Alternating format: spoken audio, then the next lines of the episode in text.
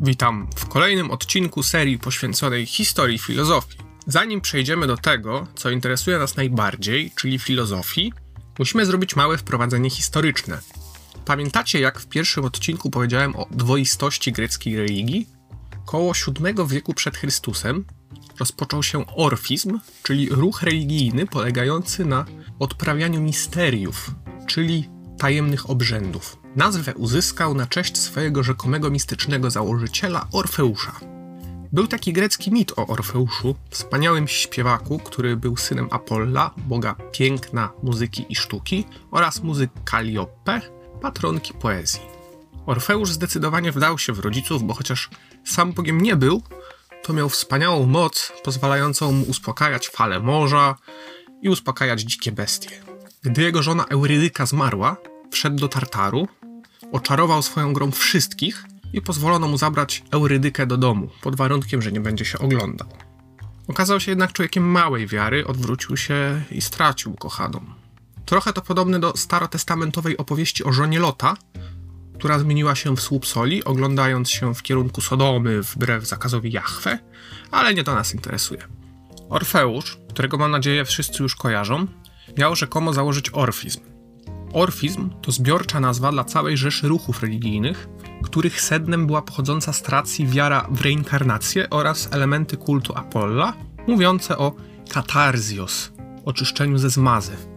Do III wieku przed Chrystusem wszystkie przekonania połączone z jakimkolwiek obrzędem nazywano orfickimi, choć też trzeba przyznać, że już w V wieku przed Chrystusem zaczęła się wyodrębniać osobna sekta zwana orfikoi lub bakhantami z własnym kanonem świętych tekstów. Tyle, że żadne z pism tych oraz pozostałych orfickich grup nie zachowały się.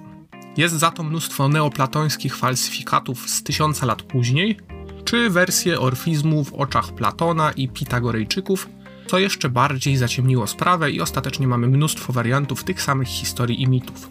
Na szczęście z tego wszystkiego udało się wydobyć jakieś elementy wspólne, więc skupmy się na treści tej wiary.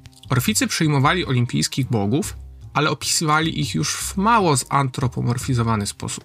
Na przykład Zeusa już nie traktowano jako niewiernego żonie lubieżnika, a przypisywano mu bycie początkiem, środkiem i końcem wszystkiego, obupłciowość, wszechobecność, bycie twórcą wszystkiego, etc., etc. Taki pogląd, że Bóg jest wszechobecny i że dosłownie jest wszystkim, całym wszechświatem, całym światem przyrody, nazywamy panteizmem. W związku z tą wszechobecnością Boga, Orficy dążyli do ekstazy związanej z boskością. Celem misteriów było odczucie w sobie Boga i złączenie z Nim i czyniono to na różne sposoby. Tam, gdzie tym centralnym Bogiem był Dionizos, Bóg wina, tam dochodzono do ekstazy za pomocą hektolitrów wina i dzikich tańców. Ku czci Dionizosa były bardziej oficjalne, osadzone w ramach religii publicznej uroczystości zwane Dionizjami, ale nie należy ich mylić z misteriami. W innych sektach orfickich, gdzie akcent był przesunięty na Apolla, praktykowano uporządkowanie i ascezę. Te skrajne różnice pomiędzy tymi wspólnotami są problematyczne w wyjaśnianiu, ale to dlatego, że mamy bardzo podobne mity, w których występują obaj ci bogowie i to często zamieniając się zupełnie rolami. Ciężko więc mówić o jakiejś jednej kanonicznej historii stanowiącej pierwowzór. Dobra, ale skąd ta asceza? Picie wina łatwo zrozumieć, ale jakie racje stoją za wstrzemięźliwością? Ano biorą się stąd, że w orfizmie po raz pierwszy pojawił się dualizm antropologiczny. To znaczy, że człowiek składa się z ciała i duszy i że te elementy można rozłączyć. Co więcej, ma to miejsce wielokrotnie. Dusza ma boskie pochodzenie, ale za karę, za jakąś nieokreśloną winę bierze udział w metempsychozie, czyli reinkarnacji. Ciało, po grecku soma, jest grobem duszy, czyli sema. Jest czymś gorszym w człowieku, z czego niezniszczalna i nieśmiertelna dusza pragnie się uwolnić. I dopiero teraz można przejść do Pitagorasa. Żył od roku 570 przed Chrystusem do 497. Urodził się w Samos w Jonii, czyli w tej samej krainie co bohaterowie poprzednich odcinków, tylko w innym mieście. Około 540 roku przed Chrystusem Persowie opanowali całą Jonię, więc wkrótce Pitagoras ją opuścił. Ponoć zawędrował do Egiptu, gdzie nauczył się matematyki, ale pisał o tym neoplatonik Jamblich, a była za jego czasów taka moda na przypisywanie dawnym mistrzom studiów w Egipcie i Babilonii, co miało im dodawać rzekomo powagi, więc nie jest to zbyt pewna informacja. Potem przez rok działał w Atenach, to jest w latach 532-531 i w końcu osiadł w Krotonie w Italii, gdzie założył Związek Pitagorejczyków. Kultywowano w nim misteria apollińskie i orfickie oraz żyto według określonej reguły. Pod koniec życia udał się do Metapontu, leżącego również w Italii, gdzie zmarł, ale nie wiadomo czemu, bo jest kilka wersji i żadna nie brzmi zbyt sensownie. Lepiej postawić tu znak zapytania niż powiadać jakieś bzdury. Sam Pitagoras żadnych pism nie zostawił, a te, które mu przypisywano, były apokryfami. Późniejsi uczniowie i następcy lubili stwierdzać, że ich własne pomysły wymyślił Pitagoras, co według nich wzmacniało ich autorytet. Jak widać, oszustwa i argumentacja z autorytetu cieszyły się dużą popularnością już w starożytności. Każdym razie w tych zmyślonych opowieściach Pitagoras stracił często cechy ludzkie i był uważany za bóstwo. Na przykład twierdzono, że Bóg świecił mu na złoto, że potrafił być w kilku miejscach naraz, że przy wielu świadkach rzeka go pozdrowiła, że zabił jadowitego węża gryząc go, że potrafił przepowiadać przyszłość, czy że zstąpił do Hadesu. Prawdopodobnie wymieszano historię o nim i o innej na wpół mitycznej postaci, Arysteaszu. Ale to nie Arysteasz nas interesuje, a Pitagorejczycy. Przez ich dość dziwną strategię marketingową już Arystoteles, czyli człowiek żyjący raptem 200 lat po Pitagorasie i nadal w czasach innych Pitagorejczyków, nie rozróżniał poglądów mistrza od poglądów jego uczniów i mówił o Pitagorejczykach jako takich.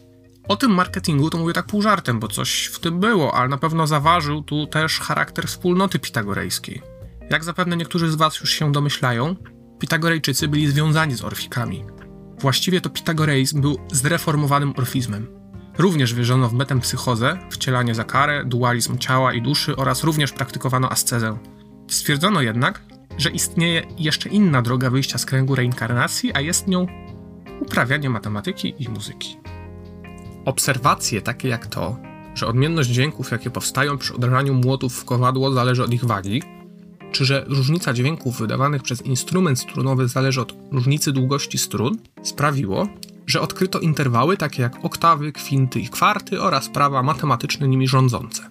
Spostrzeżono też, że ścisłe prawa liczbowe wyznaczają lata, pory roku, dni, czas ciąży i wszelkie inne zjawiska życia. W ten sposób stwierdzono, że liczba jest arche, a dokładniej jedną z dwóch pierwszych zasad, bowiem drugą pierwszą zasadą jest bezkres. Wiem, co pomyśleliście. Zapachniało tu anaksymandrem. Nie można tego wykluczyć, bo widać potencjalną inspirację nim w jeszcze kilku punktach filozofii pitagorejskiej, ale nie bądźmy pochopni.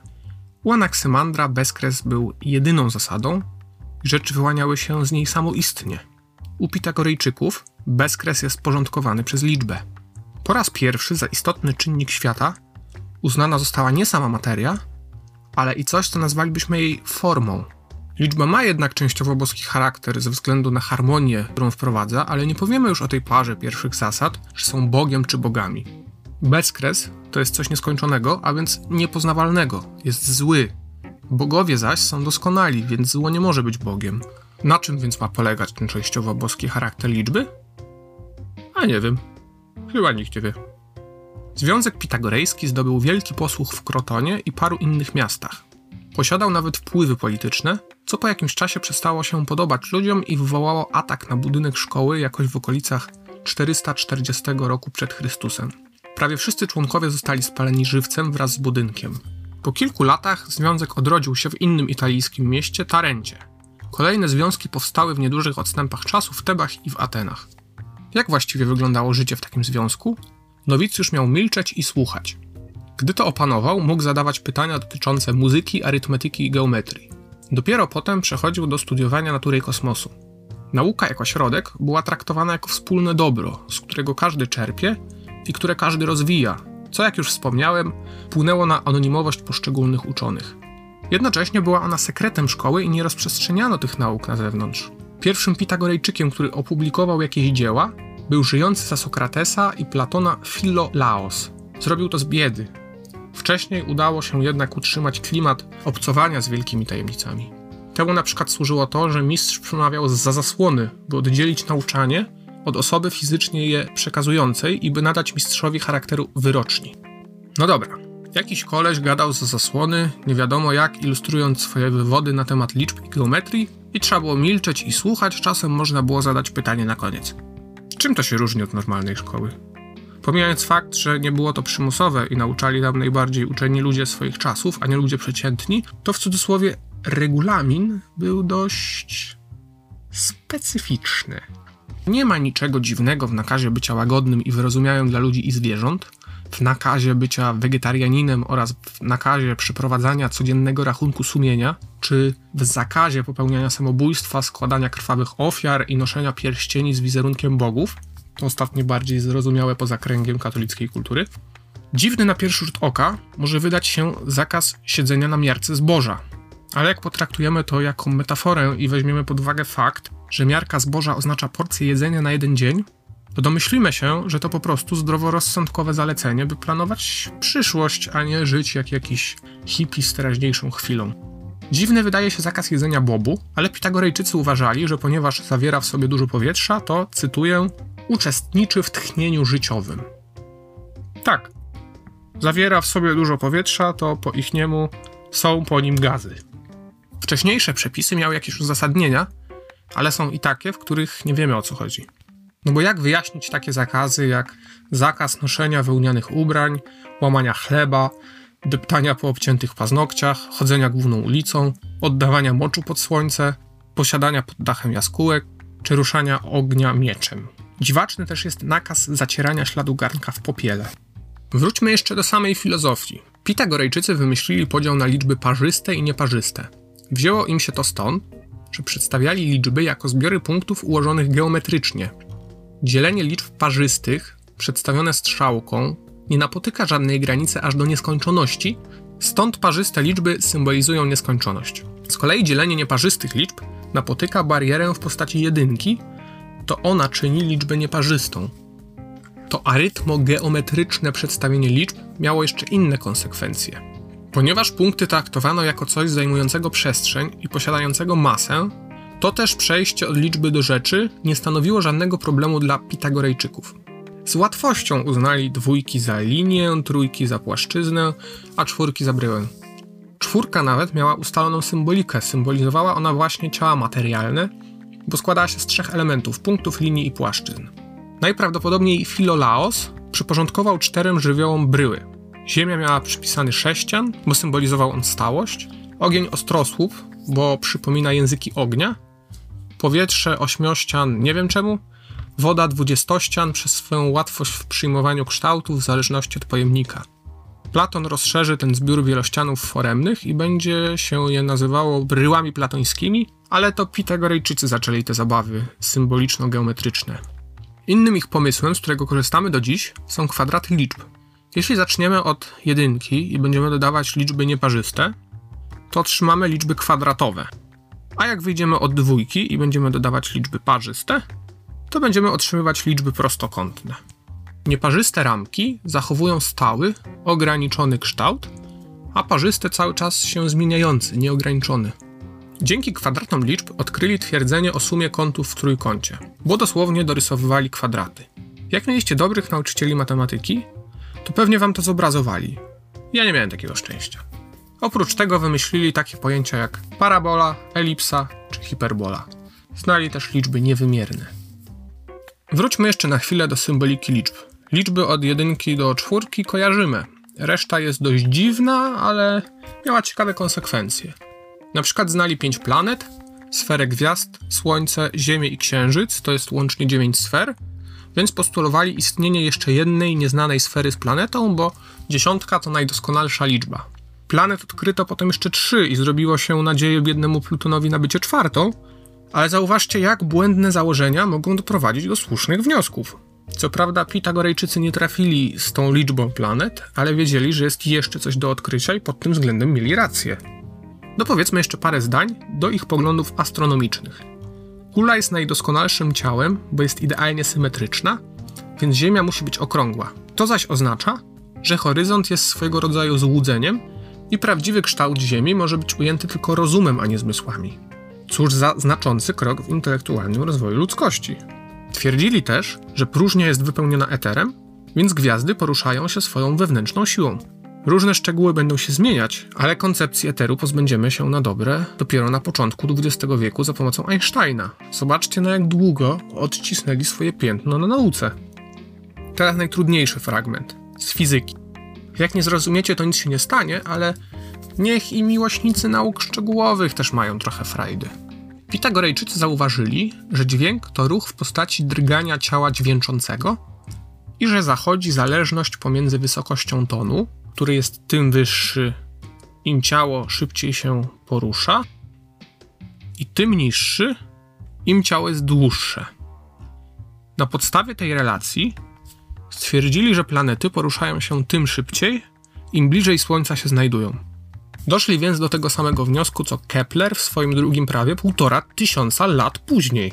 Rozważali też hipotezę obrotu Ziemi wokół własnej osi, ale popularniejsza była wtedy teza, że Ziemia krąży dookoła idealnego ośrodka systemu planetarnego, w związku z czym uznali ruch Słońca ze wschodu na zachód za pozorny. Zbliżyli się tym samym do innego odkrycia, tym razem Kopernika. Dotarliśmy do końca. Najważniejsze, co należy zapamiętać, to dualizm antropologiczny, czyli dualizm ciała i duszy, liczba i bezkres z zasadami, metempsychoza, czyli reinkarnacja oraz duży wkład Pitagorejczyków w matematykę. To pamiętajcie. Dziękuję za obejrzenie tego filmu. Nie zapomnijcie go polubić tutaj oraz na Facebooku oraz jeśli jeszcze nie zasubskrybowaliście kanału, to zróbcie to teraz, by być na bieżąco i by mnie zachęcić do dalszej pracy. Do usłyszenia.